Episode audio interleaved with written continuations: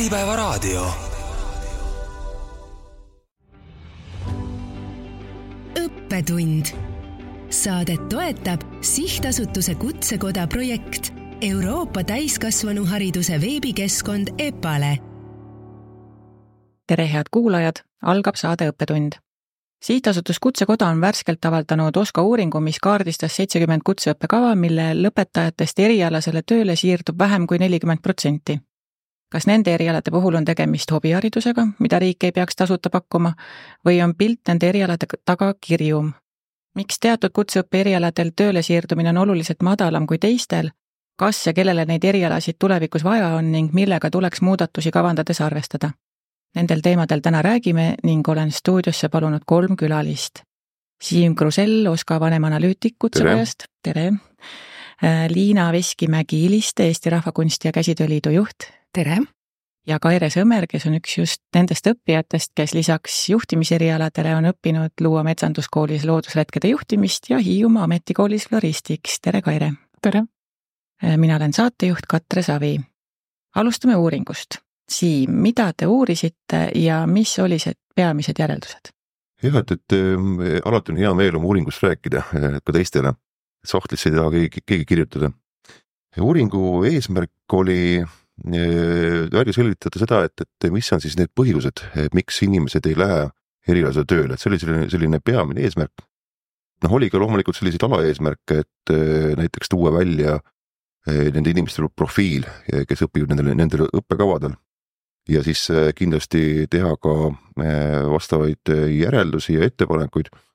ja kui nüüd minna päris algusse, et kui meil see mõte, idee, noh, õigemini siis ka võib-olla ka tellimus oli, kus me nagu alustame, et, et õppekavasid on hästi palju ja tegime nii, et, et võtsime need õppekavad, kus põhitööl rakendumine oli, oli alla neljakümne protsendi, et see oli selline algne valik või siis ütleme alg, algvalim.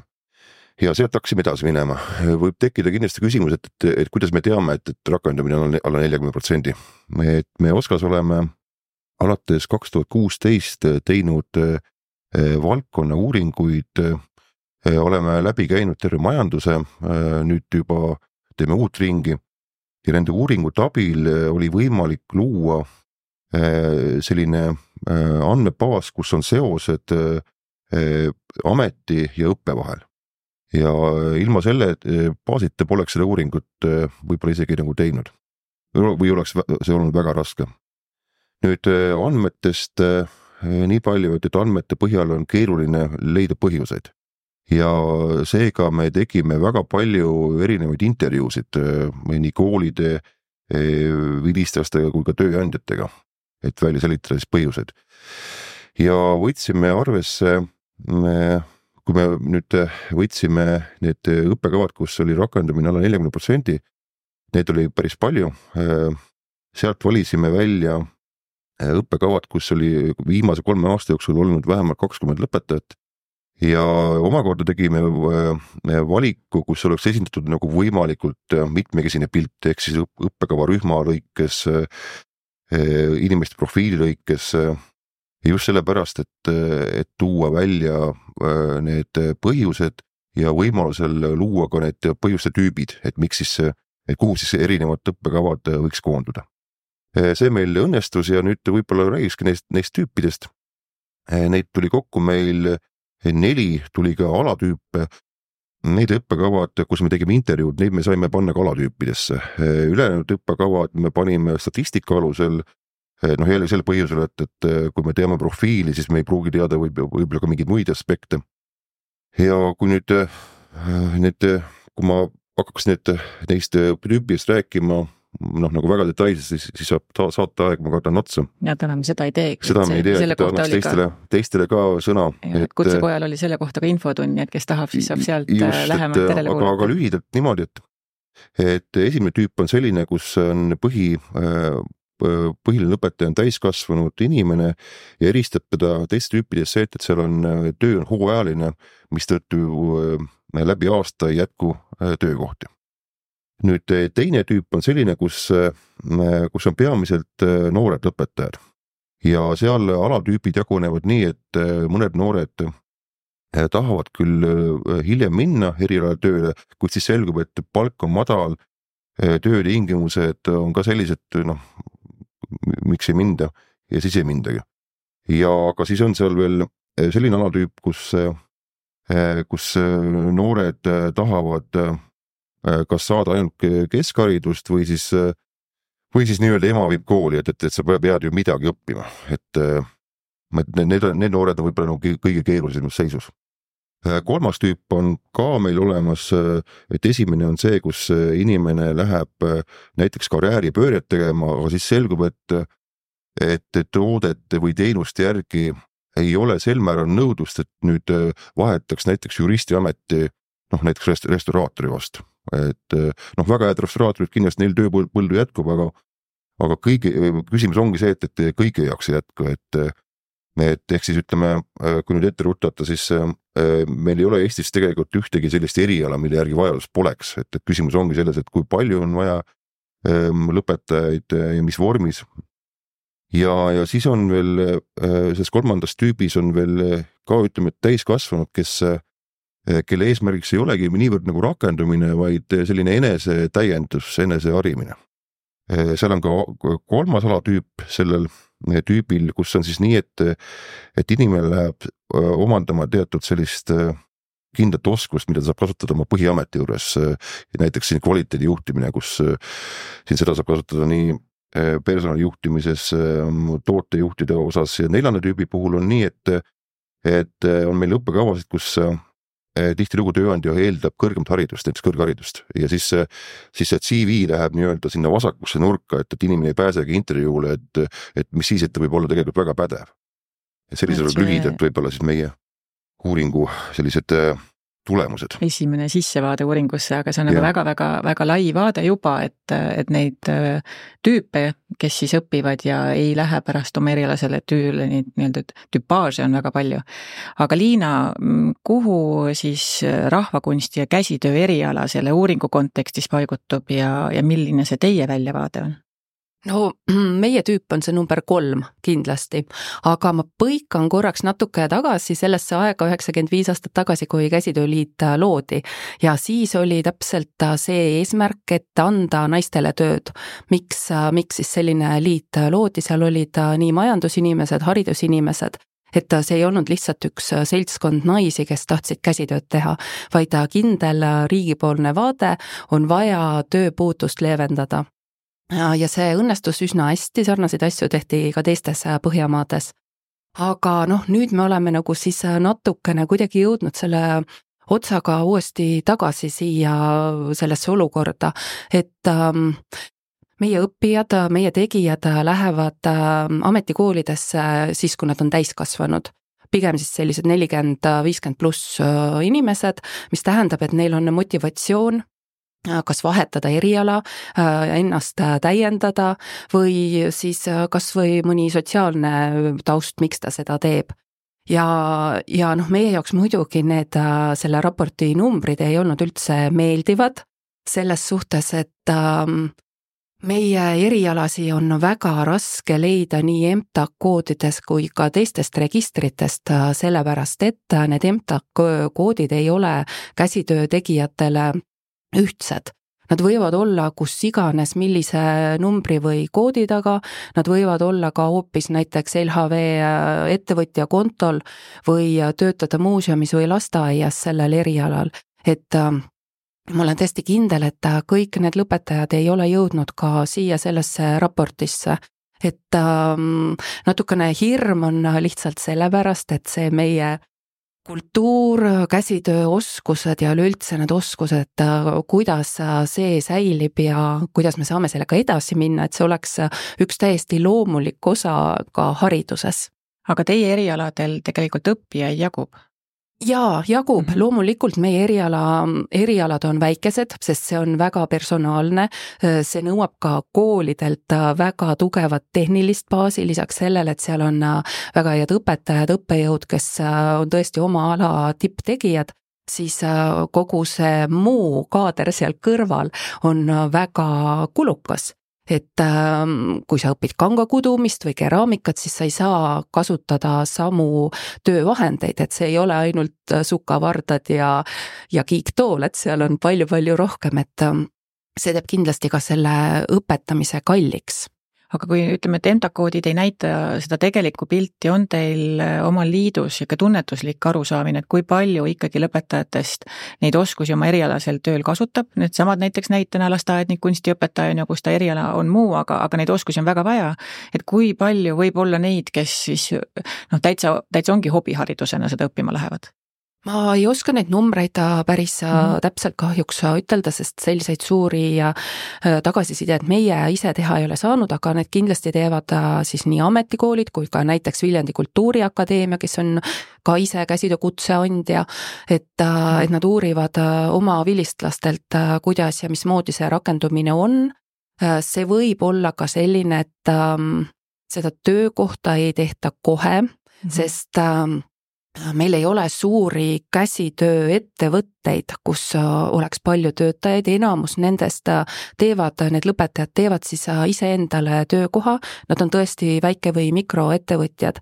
ja, ja mõnikord see tõesti võib jääda sinna kuhugi taha, et ta on näiteks hoopis turismitalu ettevõtja, aga ta sealt kõrvalt kasutab siis oma käsitööoskuseid mingite töötubade läbiviimiseks. Mm.. aga numbritest ma ei oska jah praegu ütelda. arusaadav aga Kaire, sa oled äh, bakalaureuseõppes õppinud ärijuhtimist, magistri teinud juhtimise sotsiaalsetes strateegiates, kui ma nüüd õigesti ütlesin, ja, ja läksid sealt kõrvalt kutseõppesse, mis viis sind õppima?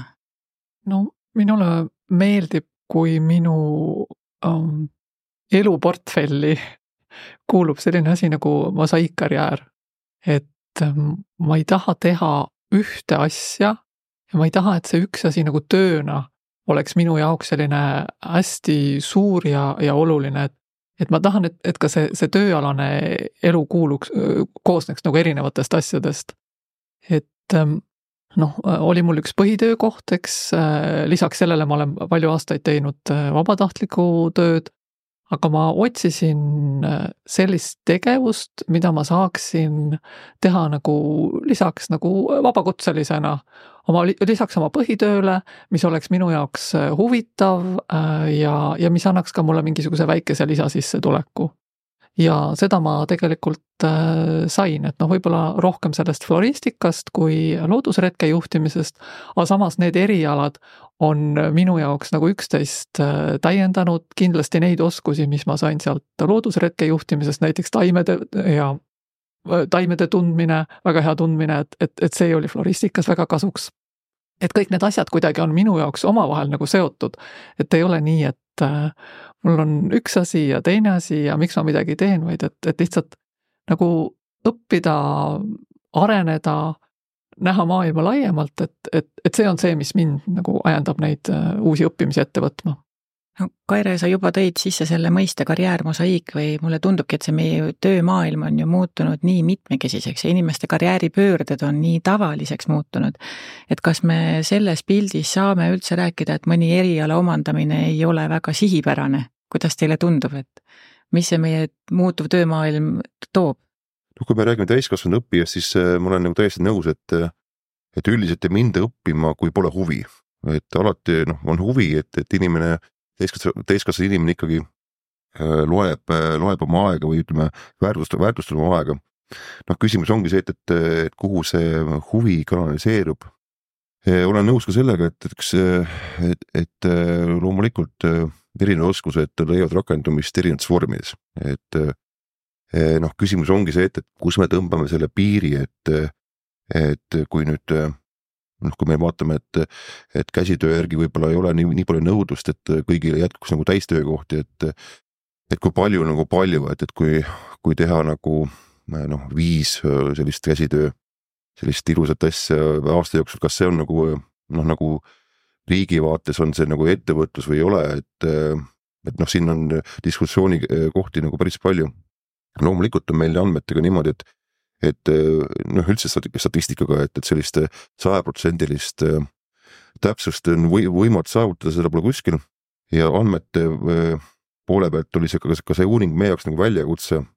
kui me tegime intervjuusid, siis me ka täpsustasime näiteks, näiteks koolidega, et mis on need sidemed, mis võiks, võiks nagu olla. ja, ja võtsime arvesse kokkuvõttes ka seda kõrvaltööd. Ja tegime ka nii, et, et kui nüüd tõesti siin oli näide nagu kunstiõpetaja, siis pigem panime nagu kunstiõpetaja nagu erialaseks nagu rakendamiseks, et. aga tõesti, et, et kui on nagu äh, näiteks amet on raamatupidaja, siis on nagu keeruline seda seost äh, nagu luua.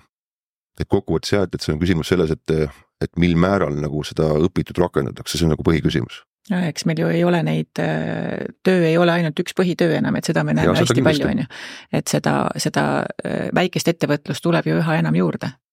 Jaa, mulle tundub ka, et just see selline jagamine, et, et sa teedki mitut asja ja teed seda tõesti südamega ja väga hästi. Ja noh, kindlasti nagu siin ka seda panna tähele, et meil on ikkagi vananev ühiskond ja need täiskasvanud õppijad, kes suudavad, tahavad ja on nii head õppijad, et nendele oleks see võimalus olemas, et seda karjäärivahetust ka teha ja tõesti siis mitmel erialal töötada mulle lihtsalt äh, kogu aeg, mind õudselt häirib see termin äh, hobiharidus.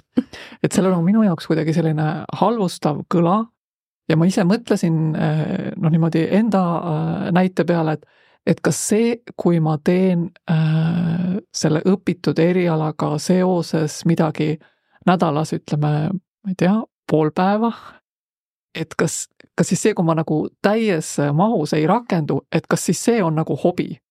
Et, et kuidagi minu jaoks, minu mõte on see, et, et need, need terminid, et me oleme kuidagi nendesse terminitesse, et mis on see kutseharidus ja mis on see haridus, et me oleme need, on nagu vananenud, et ei ole enam nagu nii lihtsalt võimalik äh, seda asja mustvalgelt äh, seostada, et, et ma õpin midagi ja okei okay, on ainult see, kui ma lähen täpselt sellele erialale tööle.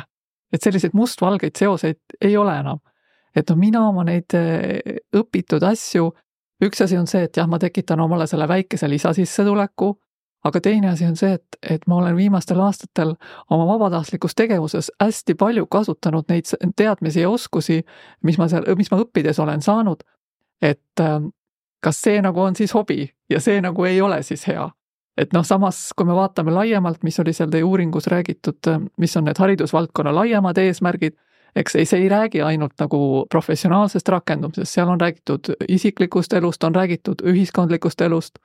Noh, mina veel enda jaoks nagu hästi olulise aspektina, mis see õppimine mulle andis, oli, oli hoolitse minu vaimse tervise eest nagu kõige, kõige paremal moel, sest et see, et ma äh, õpin midagi, mis mulle tekitab positiivseid emotsioone, ma saan mingiks osaks äh, kuust oma sellest nii-öelda põhitööst kõrvale, ma saan võib-olla jah, ka pereelust väikese puhkuse.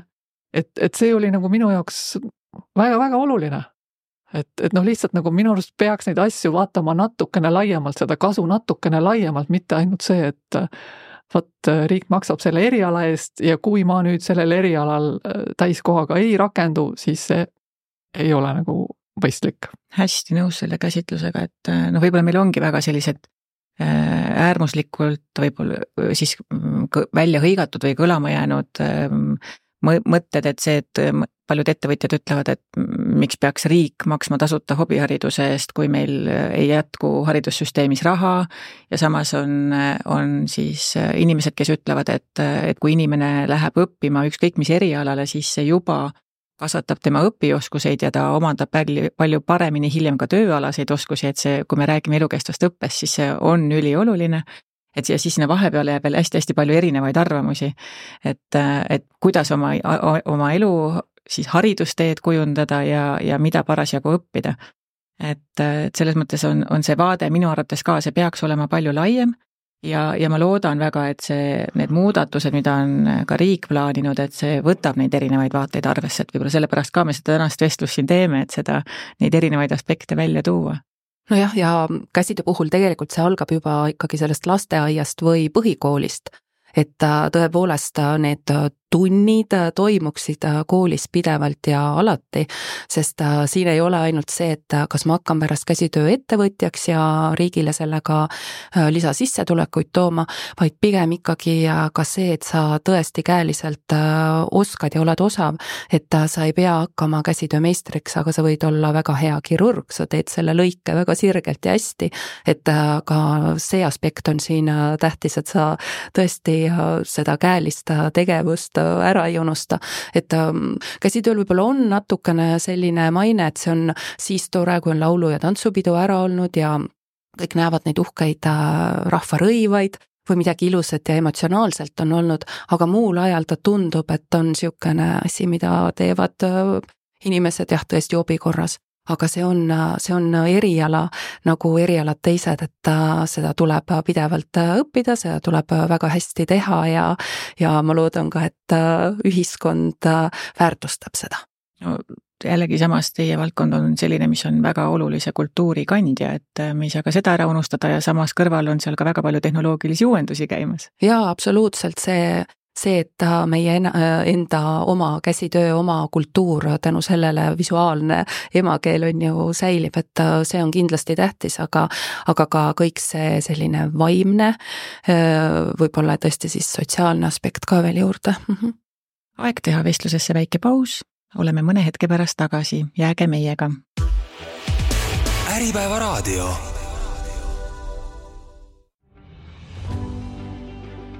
õppetund saadet toetab sihtasutuse Kutsekoda projekt Euroopa täiskasvanuhariduse veebikeskkond EPALE tere tulemast tagasi, kuulate saadet Õppetund, kus täna räägime madala erialase rakendumisega kutseõppe erialadest ja põhjustest, miks nendel erialadel tööle asumine on vähene. saates on külas Siim Krusell, OSKA vanemanalüütik, Liina Veskimägi Iliste, Eesti Rahvakunsti Käsitööliidu juht ja Kaire Sõmer, kes ise on õppinud mitmel erialal just kutseõppes korra ennem puudutasime ka seda, seda poolt, et äh, kas see õpe on tasuta või mitte, et ähm, me liiga palju ei taha täna raha teemal rääkida, aga, aga see on nagu üks aspekt, mida on toodud äh, välja, et, et see on riigile kulukas. milline on see teie vaade, et ähm, kas need erialad jääksid ellu, kui see õpe muutuks tasuliseks või, või on siin paindlikke viise? siin ka tooks äh, enda kogemuse, et ma tegin väikese arvest-, arvestuse noh, niimoodi sellise mm, Äh, suurtes piirides, et ähm, kui ma käisin neljapäevastel äh, õppesessioonidel Hiiumaal, siis sellised otsesed kulud, ütleme transport, ööbimine, toit, äh, see oli umbes paarsada eurot. lisaks aeg-ajalt oli vaja ka osta üht-teist õppematerjalidest ja kui ma panen sinna juurde selle, et kui on võimalus võtta võtta õppepuhkust, siis see töötasu ei ole samasugune nagu sinu tavaline tasu. Ja ka need õppepuhkuse päevad ei kata kõiki neid õppimise päevi, et siis veel äh, tuleb neid äh, praktiliselt olematu töötasuga päevi juurde, et ütleme ka selline kaudne äh, kulu lisaks nendele otsestele kuludele, et siis tegelikult see mm, tasuta õpe õppija jaoks nagu ei ole tasuta ja noh, minu, minu kursuse kaaslastest vähemalt kolme nooremat õppijat ma tean, kes, kellel jäigi õppimine pooleli, sellepärast et lihtsalt nad ei saanud endale seda majanduslikult lubada. nii et kui sinna tuleks juurde veel tasu õppimise eest, siis ma ütleks, et see küsimärk õppijate suutlikkuse osas ähm, seda nagu majanduslikult, äh, seda kulu kanda on nagu noh, küsimärk on päris suur. ega tegelikult sa ise äh, oma siis põhitööst saadava palga eest finantseerisid tegelikult neid õppimisi, mida siis noorel inimesel, kellel seda tööd kõrval ei ole, ei olegi võimalik teha? jah, just nii see ongi. ja noh, see tõesti ei ole, ei ole nagu, ei ole nagu väiksed need kulud mm. -hmm kuidas käsitöö erialal see paistaks, et ähm, on see, see selles mõttes ka, et see on jällegi valdkond, kus võib-olla ei siirduta kohe väga kõrgepalgalisele tööle, et seal, seal on see seda enam. Ja võib-olla võtaks siia kohe juurde veel selle küsimuse, et kui palju meil neid äh, tööturul vaja ju on, neid inimesi, kellel oleks need oskused, neid ikkagi on vaja? jaa, neid ikka on äh, vaja, et me näiteks võtan äh, kas või rahvarõivaste valmistajad, et neid tegijaid ei ole meil üldse palju, kes teevad seda õiget asja nii, nagu see olema peab ja nii, nagu me tahame, et rahvarõivas välja näeb. et kindlasti, kui see õpe oleks tasuline, muutub osalejate arv absoluutselt väiksemaks, et nagu ma enne ka mainisin, siis meil on, meil ei ole selliseid suuri ettevõtteid, käsitööettevõtteid, kes suudaks oma töötajaid saata siis sellistele suurtele tasuta või tasulistele koolitustele, et see, see tekitab kindlasti suuri probleeme, kui see läheb liiga kalliks. Mhm. et äh, ma saan aru, et seal kõrval on see selline sariõppijate inimeste selline ports olemas, kes käivad tõesti koolituselt koolitusele, et, et noh, seda me peame kuidagi jälgima tõesti, et, et neid ei oleks liiga palju ja et nad ikkagi siis kusagil rakenduks. aga äh, päris, päris sellist asja, et kõik oleks tasulised, ma ei kujuta ette ma võib-olla lähekski jutuga rohkem sinna selle, selle väärtuse juurde, mida need erialad annavad nii õppijale kui ühiskonnale, et äh, Kaire tegelikult tõi väga-väga oluliselt välja selle nii vaimse tervise kui selle siis oskuste mitmekesisuse. et kas te uuringus vaatasite seda poolt, et mis nende õppijate motivatsioon on neid erialasid õppima minna ja, ja miks siis, kuidas seal see suhe siis selle hilisema tööle rakendamisega on? jah, kõigepealt ma olen loomulikult nõus, et, et mustvalge tänapäeva töömaailm ja haridusmaailm ei ole. ja ka meie oma uuringus äh, rõhutasime seda, et, et oluline on ka selline kultuuriline järjepidevus, äh, regionaalsus näiteks, äh, veel mõned muud asjad. kui nüüd rääkida sellest motivatsioonist, noh, tulen ikka jälle siia, siia tagasi, et huvi on, huvi on olnud alati aluseks, et mida, et kui on mindud õppima. nüüd jällegi on ikkagi see küsimus, et kuida-, kuidas see huvi siis realiseerub ja ja võib intervjuude põhjal küll öelda, et, et, et see huvi nüüd suurel määral küll päris mitmetel inimestel noh, eks anti ka hinnanguid oma kursusele kui, kui sellisele, et, et ikkagi, ikkagi realiseerinud ka sel põhjusel, et, et et, et ei ole sellist piisavat tellimust.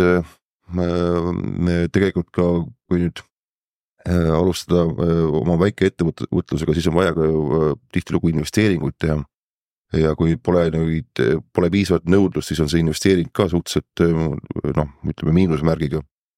nüüd tulles selle tasuta termini juurde, et kui Kaire ütles, et teda häirib see hobihariduse termin, et, et noh, ega mulle ka see ei meeldi, et, et see on nagu sihuke natuke halvustav, et noh, samamoodi mulle ei meeldi see ka see tasuta eh, hariduse termin et kuigi, kuigi jah, ma olen nõus, et, et, et õppija-kulud on ju ikkagi, et samamoodi kui me räägime tasuta kõrgharidusest, siis tegelikult õppija jaoks ei ole tasuline, et tasu, tasuta õpe, et kulud on nagu ikka. et noh, tasuta asju tegelikult ju, ju ei ole olemas, et, et maksumaksja ikkagi nagu selle maksab kinni. Küsin korra, Kaire, sinult tööandja vaadet, kui, kui lihtne on olnud õppida nii magistriõpingus, kus on siis võib-olla see juhtimisõpingud, ilmselt sa tegid ka seda juba äh, siis oma põhitöö ajal, ja, ja need kutseõppe erialad, et äh, kui hästi on tööandjad äh, seda infot vastu võtnud, et sa lähed õppima? kas on tekkinud mingeid küsimusi, miks see eriala? milline sealt sul see vaade on või teadmine? no minul on muidugi tööandjatega vedanud, et mina olen nii bakalaureuseõppe kui magistriõppe kui ka need kutseõpped olen käinud kõik töö kõrvalt. tööandjad on olnud äh, hästi mõistvad. aga muidugi see tähendab seda, et ma ise olen ka pingutanud selle nimel, et minu töö nagu seisma ei jääks, mis tähendab lisaks õppetööle ka siis äh, veel õhtuti nagu töö tegemist. aga noh, kui see on nagu selline vastastikune, et kui tööandja on valmis mulle võimaldama seda, siis loomulikult äh, mina ju omalt poolt tahan ka, et äh, minu asjad oleks korras, et ma ei tekitaks ise mingisuguseid lisaprobleeme. aga ma pean ütlema, et ei ole olnud äh, sellist küsimust, et miks sa lähed seda asja õppima, kui see sinu tööga otseselt seotud ei ole. aga võib-olla ka näiteks see on tingitud sellest, et minu praegune tööandja, Tallinna Tehnikaülikool, on ise, eks ju, õppiv organisatsioon, et, et lihtsalt nagu arusaam sellest, et mis inimestele on hea, on kuidagi nagu äh, laiem ja paindlikum. mitte see, et kuule, sa ei hakka meil ju nende lilledega seal tööasjades midagi tegema. et, et äh, ei ole olnud probleemi, õppe või vabandust, tööandjad on olnud väga toetavad, jah.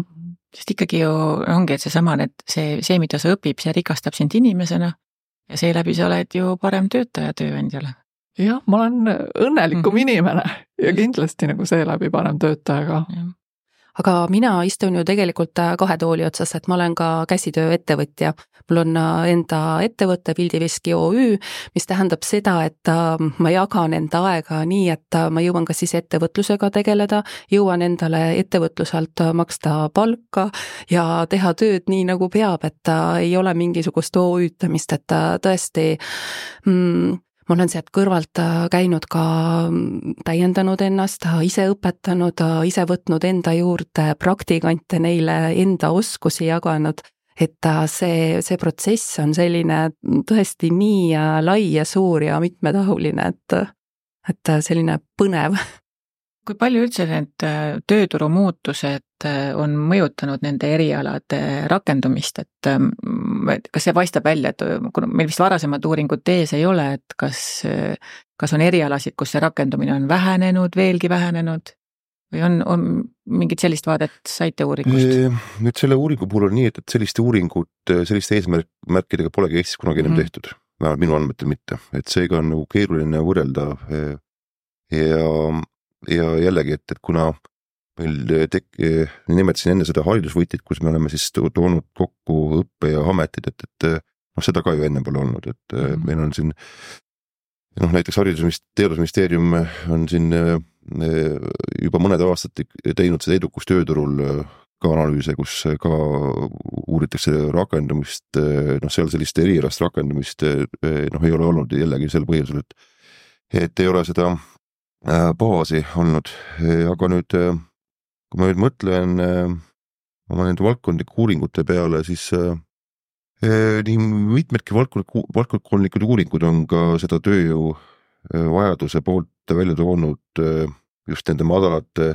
madala rakendamise erialade puhul, et, et kus on siis on nähtud sellist noh, võib-olla liiga, liiga suurt nagu lõpetajate arvu. Äh, aga noh, jällegi ma ütlen, et, et nagu ka meie siin selle uuringu puhul tõime välja, et, et äh, selliseid erialasid äh, tegelikult ei ole, mille järgi üldse pole vajadust.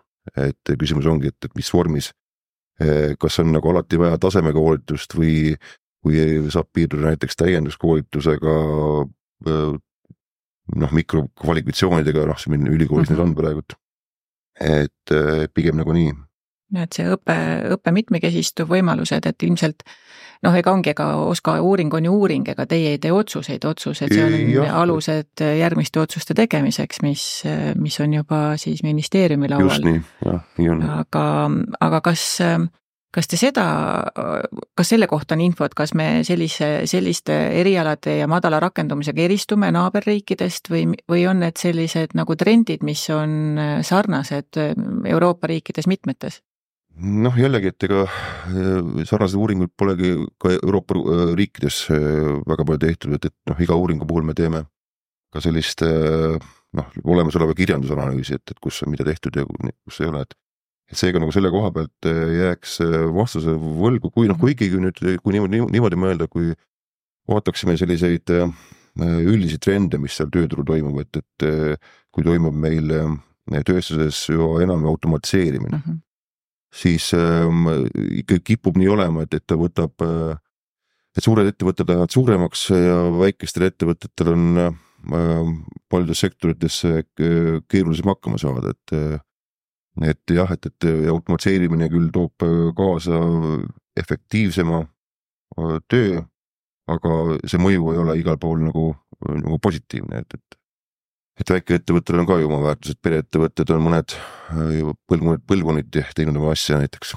nojah, kui me vaatame tööstussektorit, siis seal peab ütlema, et väga suurtel, kui Euroopa kontekstis eriti, siis suurtel ettevõtetel on raske, väikesed on ka raske ja siis just sellised keskmised ettevõtted on need, kes äh, toimetavad nendes muutlikes äh, majandusoludes kõige tugevamini, et ähm, Ja. natukene hüppan nüüd, vabandust, hüppan teisele teemale, aga üks mõte, mis mul ähm, Äh, seda uuringut lugedes äh, kummitama jäi ja, ja nüüd Siim ka just mainis neid erinevaid õppevorme, eks ju, et on see siis täienduskoolitus või on need mikrokvalifikatsioonid või. ja oli juttu, et käsitöö erialadel on õppijad on nagu vanemas eas, et kindlasti peaks nagu mõtlema ka selle peale, et kuidas mingis vanuses inimesed õpivad. et milline, noh, üks asi on muidugi, et ega mingisugust käsitöö eriala noh, on ikkagi ju, seal ongi nagu see praktiline, praktiline töö ja, ja vahetu kogemus ja samamoodi, eks ju, sellel flori-, floristiõppel, et et sa pead ikkagi olema samas, samas ruumis tegemagi praktiliselt neid asju läbi. aga ka just see, et, et mis vanuses inimesed on millisteks õppeviisideks äh, nagu valmis, võimelised, eelistavad neid. et, et minu arust tuleks ka, ka selle peale mõelda, et kui me lähme reformima neid äh, õppeviise, et et noh, mina olen see kergelt viiskümmend pluss õppija. et äh, loomulikult ma saan selle veebiõppega hakkama, ma olen ka läbinud erinevaid kursusi, mis on mulle põnevad tundunud. aga noh, ma väga ei taha, et, et mulle tõesti, mulle meeldib ikkagi see selline vahetu kontakt õppimises. et nagu, nagu see, seda aspekti ei saaks ka nendel äh, muudatuste juures ära unustada ja jah, hästi oluline vaatenurk jällegi, et millised ähm, ma ei, ma ei oska öelda, kui palju nüüd erialad on läinud veebi, aga, aga ma arvan, selle õpikogemuse juures tegelikult nii palju, kui me ka oma varasemates saadetes oleme rääkinud, siis see kontaktõpe ja, ja see, mida õppijad teineteisele annavad, et seesama on juba, see rikastab väga palju ja annab hoopis teistsuguseid kogemusi ja teadmisi juurde, et et ma arvan, et kui te seal floristikat äh, õppisite, siis selle, selle need inimesed, kes sinna gruppi olid kogunenud, nendel on väga-väga palju teadmisi, kogemusi äh, teistelt erialadelt, mis siis äh, selle õppe käigus ka avanevad ja mida te jagate ju seal. jaa, seda alati õpetajad ka rõhutasid, et sa ei õpi mitte ainult õpetajalt, vaid te õpite üksteiselt. et sa näed, mis teised kõrval teevad, kuidas nad teevad, kuidas keegi oma tööd analüüsib, sellest räägib, mis materjale kasutab. Et see on nagu selline sümbiootiline õppimine. Võib-olla lisan siia, et äh, selle Covidiga seoses äh, ka meie käsitööõpe muutus äh, väga palju ja läks siis veebi. et meil on üks väga hea kogemus, et toimus Chicago rahvarõiva kool, mida siis meie ise, meie MTÜ Rahvarõivas korraldas ja see oli täiesti võimalik, sellepärast et meie väga head õpetajad said endale oskuse, kuidas veebi kaudu praktilist tundi läbi viia ja need, kes siis sealt Chicago poolt seda vastu võtsid, olid võimelised samamoodi õppima, need olid ka täiskasvanud õppijad.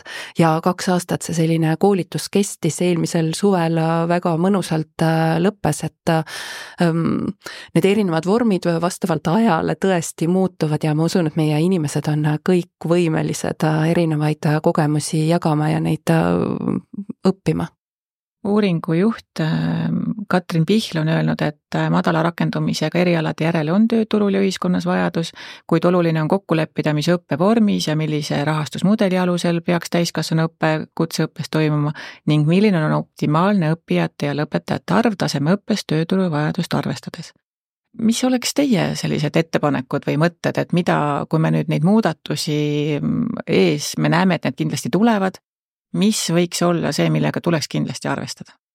No äh, kindlasti see, et äh, minu valdkonna puhul äh, need meie erialad ikkagi säiliks, aga, aga on läbi käinud ka siis sellised juhtkooli rollid et, et tõesti võib-olla vaadata üle see, et, et need ähm, erialad kooliti ei duubeldaks, et oleks siis äh, üks kindel juhtkool, kes äh, võtab siis äh, ühe või teise või kolmanda tehnika enda selliseks põhi, põhiõppimiskohaks, mhm. et, et see kindlasti aitab säästa raha aega ja ka neid häid tegijaid ja õpi-, õpetajaid sinna ühte kohta koondada et, et seda mm -hmm. ma küll toetan.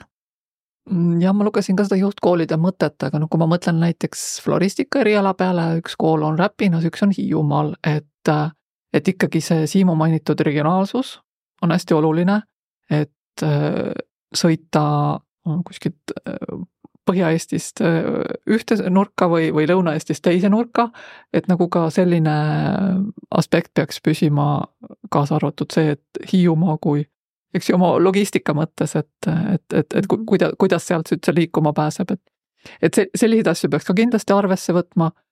aga lisaks sellele jah, ma mõtlen sellele, et ei, ei saa nagu oodata, et nende erialade lõpetajad sajaprotsendiliselt rakenduvad ja loota, et, et või nagu mõelda, et, et see ongi see, mida me tahame saavutada. et ikkagi selline paindlikkus, inimeste äh, mitmekesised karjäärid, nende valmisolek õppida, nende valmisolek ka muudatusteks võib-olla edasises elus, et sellel õppimisel on nii palju muud kasu inimeste jaoks, ma saan aru, et riik ja tööandjad tahaks, et see kasu oleks hästi otsene, aga tänapäeva maailm on nii palju mitmekesisem ja komplekssem, et me ei saa nagu sellist, selle peale loota, et, et need äh, seosed nagu nii lihtsad on. Hästi nõus, et see jah, see numbriline väljendus, et või, ja et kust me näeme seda otsest kasu, et ilmselt see kasu on ju üsna otsene ka nendes sinu nimetatud valdkondades ju olemas, aga see ei paista numbriliselt nii hästi välja, et võib-olla seesama just, et mis see eesmärk on, mida me riigina tahame ja, ja inimesed seal ju peavad olema töövõimelised ja õnnelikud et see on nagu väga hea. mida tööandjatele öelda, miks, miks tuleks toetada äh, ka nende erialade õppimist, mis ei ole otseselt tänaste tööoskustega seotud? no kui tööandja arvates ei ole see, et ma suudan äh, lilled kenasti kimpu seoda äh, otseselt nagu minu tööotsus, oskustega seotud, siis ma ütleks, et aga see on ju loovus ja kõik äh, tööandjad tahavad, et nende töötajad oleks loovad, et äh, oleks sellised no nagu ka, ka, ka muud oskused, mitte nagu, nagu seda õpet on võimalik teisendada mingisugusteks muudeks äh, oskusteks ja muuks suuremaks kasuks. ja võib-olla kõige kriitilisemad oskused, analüüsivõime ja kriitiline mõtlemine. no aga absoluutselt mm, -hmm. mida ma teen, miks ma midagi teen, kuidas ma teen, et ilma selliste äh, kriitilise mõtlema, mõtlemiseta ja analüüsivõimeta minu arust sa ei saa tänapäeval nagu midagi teha. no just, ja see noh, ikka see elukestev õpe, et tõesti sul on äh, võimalus kogu aeg alati minna ennast äh, täiendada ja, ja see õppimise vorm, et, et need kaaslased, kes sinuga samal ajal õpivad või need õppejõud, kes sind õpetavad, et see omavaheline suhtlus ka edaspidi, et, et ka see, see, see vorm sealjuures on äh, hirmus tähtis. nii on. sellega on meie saadet ja tänased vestlused äh, räägitud. head kuulajad, te kuulasite raadiosaadet Õppetund, kus arutlesime madala erialase rakendumisega erialade tähendusest ühiskonnale ja vajadusest elukestva õppe kontekstis. saatekülalisteks olid Siim Krusell, OSKA vanemanalüütik sihtasutusest Kutsekoda, Liina Veskimäe Kiilist, Eesti Rahvakunsti ja Käsitööliidu juht ja Kaire Sõmer ees ootavad muudatused ja otsused ei peaks lähtuma vaid kulude kokkuhoiust ja kõigile erialadele õppijatele ühtemoodi rakenduvalt. targa riigina võiksime luua ka targemaid valikuid ja meie väiksus peaks võimaldama ka paindlikumaid õpiteid. aitäh, et kuulasite, loodame, et pakkusime mõnusat mõtteainet, head päeva!